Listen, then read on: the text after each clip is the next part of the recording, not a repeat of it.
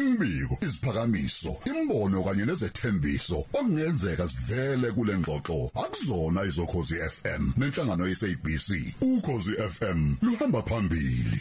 Vukuqonde kabanzi ngezobuchwepheshe ukhona kusiphumelele wakaZondi ungoti kwezobuchwepheshe. Kuningi leso lokusibuka nje ikakhulukazi ngiyazi mhlambe nawe emlaleli lokhu ubheka eh uma ubheka kakhulukazi ke eh, yonke indawo uthola ukuthi hayibo eh sekuze kwalunga indaba ethinta kakhulukazi ke izimoto zikagesi nokuthi indlela nazo zikhona ezanywayo uhulumeni wethu ikakhulukazi ke iDepartment of Trade and Industry ukuthi makube nesiqiniseko sokuthi ngempela siyawanciphisa amandla em ka petrol diesel nani nani sibafaka emotweni zethu sikwazi ukuthi ke sishayele kangconywana eh kungabi yijoka eimpilweni zethu. Kodwa ngoba ungoti ukhona akunankinga wena kamancinza Eh, sanibona nizonikhuluma ngokujayiva kodwa angimizwa nina. Niyadansa nina ungasala Waphelamo waphaya ngizwa kukhonjwa abanye. Hayi eze technology leza kusayiwa lapho.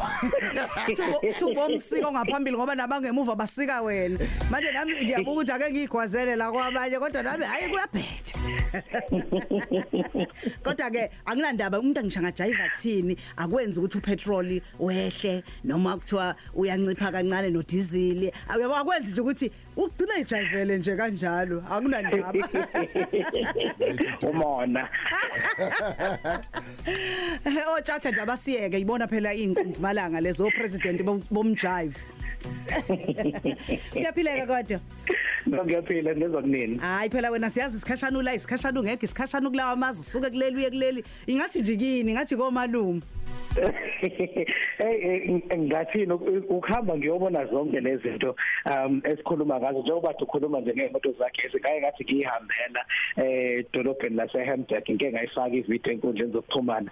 Ngibona nakho ku pavement la khamba khona abantu kunendawo yokucharge nje imoto yakho. Omunye upakile wayicharge imoto yakhe lapha ku pavement ngasho ngathi kuhanjiwe kwezinye indawo ngiyabuka nje. Uthini mhlambe ngoba phela wena ngiyazi ukuthi ujwayele ukuba kule mhlangano ama conference nani nani? Uthini mhlambe uminister eh we trade and industry la uIbrahim Patel mhlambe akasho ukuthi nathi maduzane sobe sesicharge kanjalo nje akukho kuyela ngalapha.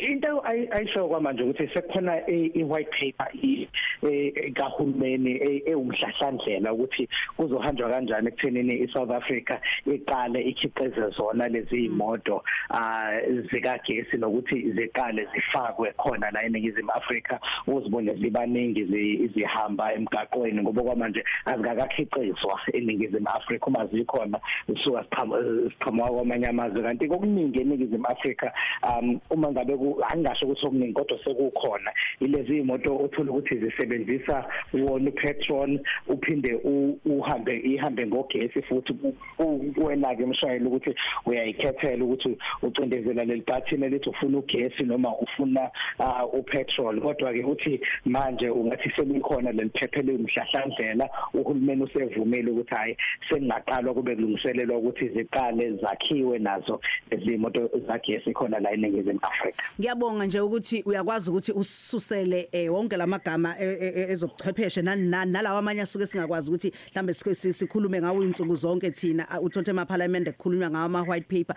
Ngoba ngisafisa ukuthi usichaze le white paper leli iphephe limhlophe eh lani kodwa usuvele wathi umhlahlandlela. Uyabona sesiyazi ke ukuthi ukhuluma ngani. Uma ucabanga sinogesi omningi ne South Africa ukuthi mhlambe sesingaze sibe noma kuhlongozwe indaba ukuthi sibe nezimoto zikagesi? Inkingi lapho kuke wayikhuluma naye ungqongqoshe uIbrahim Patel uh ukuthi inkingi lapho into ayishilo ukuthi kumele uhulumeni aqaleke abe elungiselela ukuthi um singasebenzisi amalahle kuphela ukuphehla ugesi ukuthi mhlambe kufakwe nezinto ezifana no hydrogen nokunye okungalekelela ukuthi ugesi uphehlwe ngendlela ehlukahlukene kungabi amalahle njengoba kuyamalahle nje kuphela njengoba buye khalwe uzothiwa amanzi ke namhlanje linelizulu uh ubuye uze kuthiwa hayi ungathi kubanda kakhulu ke namhlanje singazi ukuthi kusuke sekwenze njani ukuthi ehlobo amanzi ebusika kubanda kakhulu. Um uthe akubuye kuhlanga kube nendlela ezihlukahlukene zokuthi um ukuthi ugesi uphehle kodwa uthe um lokho angeke kuze kuvimbe ukuthi ziqale zakhiwe zikhiqizwe imoto zagesi eningizimu Afrika. Uthi oqala unyaka ka2026 ekuzoqalwa ngazo ezokuthi zihambe ziye kulamazwe vele um ungathi aseqalile ukuthi abe nazo zibe ningi ngoba ungathi uhalf wemoto ekhiqizwe eningizimu Afrika ziya eEurope uh, kungaba iBritain noma ilamazwe ase-EU kodwa uhafu ziye eEurope. Kube khona ziya komelika ezakhiwa khona la eningizimu Afrika uthi ezokuqala ke ngawo 2026 ukuthi ziye kuwona lawo mazwe. Okay no, no America eh kuthi bayabalwa lapho kanjalo kanjalo.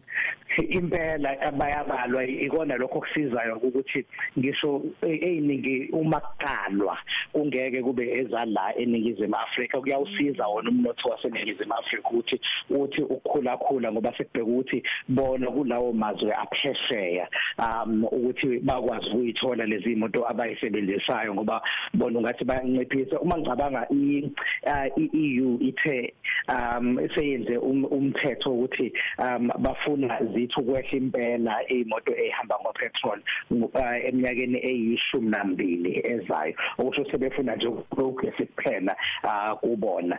Ngicabanga ukuthi yikho neningizimu Afrika ithi hey ukuthi asingeni la solahlekelwa kakhulu ngoba ziningi imoto ezikhiqizwe eningizimu Afrika ezakhiwa khona la. Mm manje ngibuka nje ukuthi hey kazi amathuba emisebenzi ngesikhathi kwehlo diesel o petrol mani mani noma ikhona indlela ethile okuzobe kwenziwa ngathi singalahlekelwa ile misebenzi. Kazi baye baxoxe bathini uma bekhuluma kulezo ndawo lezo.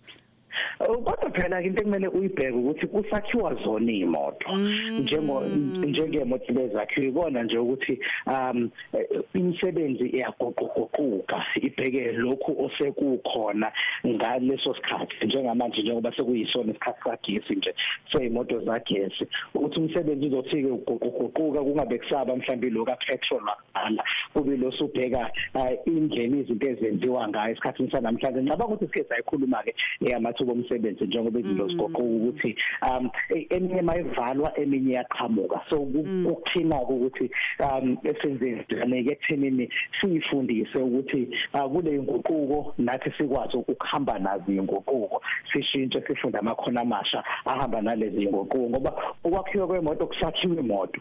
Ikona nje ukuthi ayisafakwa injini ka petrol so kuyimoto esizochargewa ngogesi. Mm. Sengivala nje ngiyazi usuhamba amazwe ahlukahlukene. Amanye sizowafika khona wabona awusekusentshenziswa lezi imoto uma ucabanga akhona amazwe ongawabala nje ukuthi la sekuyimpumelelo ukuhamba ngeimoto zikagesi.